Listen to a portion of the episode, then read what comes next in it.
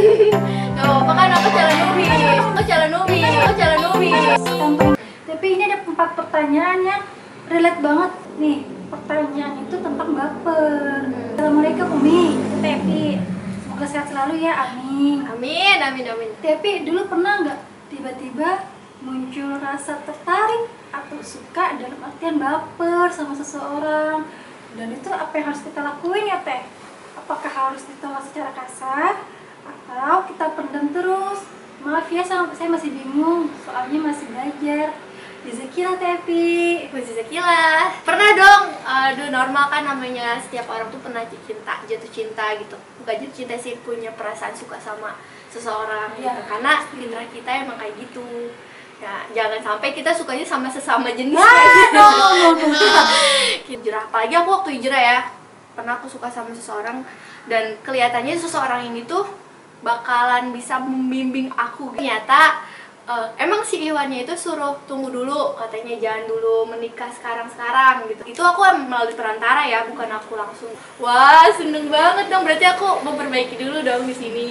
Tapi ternyata ke sini-sini aku salah niat gitu. Oh. dan itu ketawanya setelah udah ada jawabannya. Jadi si Iwannya itu nggak cenderung sama aku. Dan di sini apa? Sedih kan pastinya. Cuman di sini ada banyak hikmah yang bisa diambil. Pertama kalau memang misalnya suka dan memang belum haknya jangan terlalu berlebihan jangan terlalu mendalam. Apalagi cintanya ke yang bukan halal gitu ya maksudnya.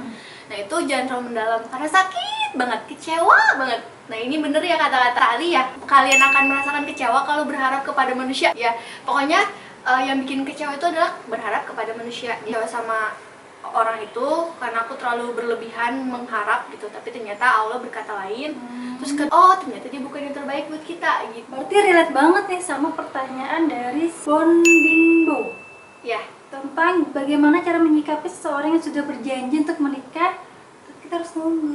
karena cowok yang serius tuh nggak nyuruh ditungguin gitu. Pasti dia akan langsung bilang kalau saya siap nikah gitu. Saya ingin menikahi anda gitu. Kalau misalnya memang Iwan itu nyuruh nunggu. Mending dikasih ketegasan. Sampai kapan? Soalnya hati tuh berbolak balik guys. Nanti bisa jadi ketika kita uh, udah terlalu dalam eh Iwannya nggak jadi itu gimana tuh perasaan kita? Tapi kalau misalnya memang nggak nggak jelas udah jangan ditungguin. Kita percaya aja sama Allah. Allah akan memberikan jodoh yang terbaik. Bener gak sekufu kan? Sesuai dengan cerminan kita. Apalagi kalau kita memperbaiki diri terus menerus. Apalagi? Pertanyaan itu ya, jadi dia nggak bermaksud apa pun.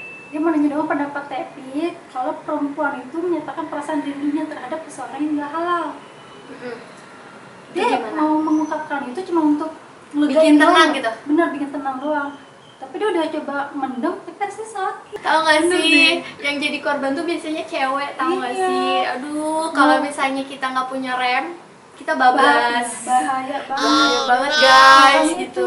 Sebenarnya kalau dicari tahu lagi ya, oh, menyatakan perasaan kita yang ke bukan mahram, solusinya menikah itu nggak apa-apa gitu. Kayak Siti Oh, Khadijah kan, iya, betul. Siti Khadijah eh, pengen dinikahi oleh Rasulullah. Jadi kalau nggak menikah dan itu jatuhnya nggak halal, itu lebih baik nggak usah karena memang dalam Islam nggak boleh gitu dan uh, kita harus mempunyai ijah dan ifah itulah menjadi kontrol kita. Menjaga diri kita itu dengan apa malu. Kayak gitu sih. Ya malu aja sih ngomong kayak gitu. Iya. ternyata dia nggak suka sama kita. Astagfirullahaladzim. Mau ditaruh di mana tuh muka? Ngungkapinnya itu setelah nikah harusnya. Jangan Nah. sebelum nikah.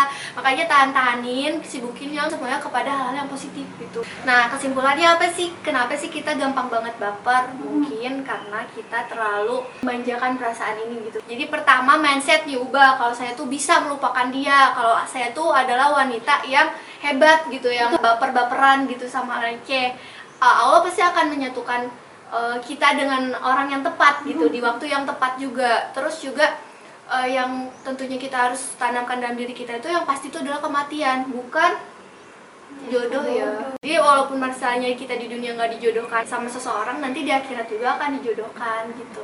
Cuman ya itu harus dilatih terus sih punya karakter kayak gitu. Iya, jadi kita dia sebagai cewek-cewek nih yang nggak bisa ngelihat opa-opa yang islami, kita harus tundukkan pandangan. ya tentukan pandangan. Mencegah biar nggak berharap kepada Nah seseorang. itu, mencegah lebih baik mengobati. 何 bener bener bener. Kayak gitu sih jadilah wanita eh, keren bijak.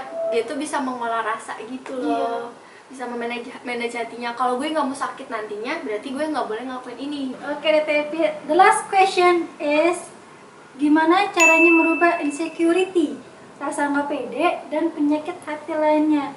Dan rasa itu pengen berkembang dan bangkit, tapi banyak berprasangka buruk pada kehidupan. Wah, iya buat sebelum ke sini buat yang teman-teman tadi tipsnya apa? Kita harus mikirin umat jangan mikirin pribadi sendiri aja gitu. Butuh umat tuh butuh kita. Kita sekarang ke- kembali ke pertanyaan ini gimana biar kita tuh nambah percaya diri. Betul. Biasanya kalau kita timbul percaya diri itu kalau kita gabung sama teman-teman. Kalau cuma sendiri ya biasanya kita cuma ini dari diri kita sendiri gitu. Kalau di gabung sama teman-teman, teman-teman bakal bantu dukung. Iya, boleh tuh gabung sama Badrul Solihat gitu. Nanti di, dibantu nih, kayaknya kamu cocoknya di bagian ini deh, kayaknya kamu hebat di sini. Nah, nanti kamu tuh akan meni- apa akan merasa oh iya ya ternyata gue bisa loh gitu. Dan jadinya berkembang deh gitu. Nah, Kayak gitu. gitu. Jadi biar kita semakin semangat, tentunya kita harus positive thinking dulu, niat yang baik dulu karena emang semua tuh the power of dari diri kita sendiri sendiri baru keluarnya juga enak gitu. Semua orang pasti kan pernah merasakan insecure atau kecemasan berlebih. Tapi gimana caranya biar kita nggak insecure lagi itu dengan kita bersosialisasi, dengan kita berjamaah, dengan komunitas. Karena kalau misalnya kita punya masalah sendiri, kalau kita sendiri juga banyak masalah-masalah yang muncul. Tapi kalau kita bareng sama teman-teman, Dibantu nanti. iya maka jangan pernah sendiri. Kayak pepatah MU aja, you Wes. never walk alone.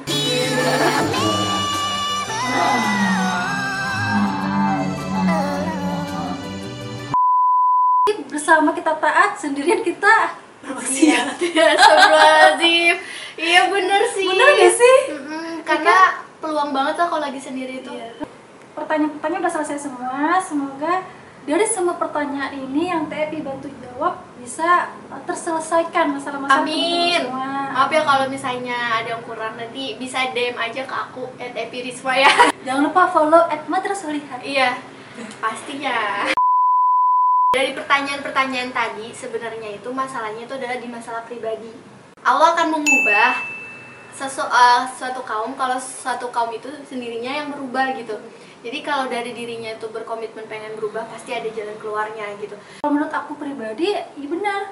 Terlalu memusingkan masalah pribadi. Capek Pernah nantinya. nggak kita mikirin saudara-saudara kita di Palestina, Betul. di Rohingya itu kalau kita mikirin diri sendiri, nanti yang ada saudara-saudara kita di sana di hari kebangkitan nanti, nanti dia menuntut kita loh. Hmm, nggak sih? betul banget. Mana saudaraku yang di Indonesia katanya rindu padaku, tapi dia tidak Mengingat. ya, mengingatku, memikirkan aku. Sedangkan mereka mikirin jodoh ya Allah.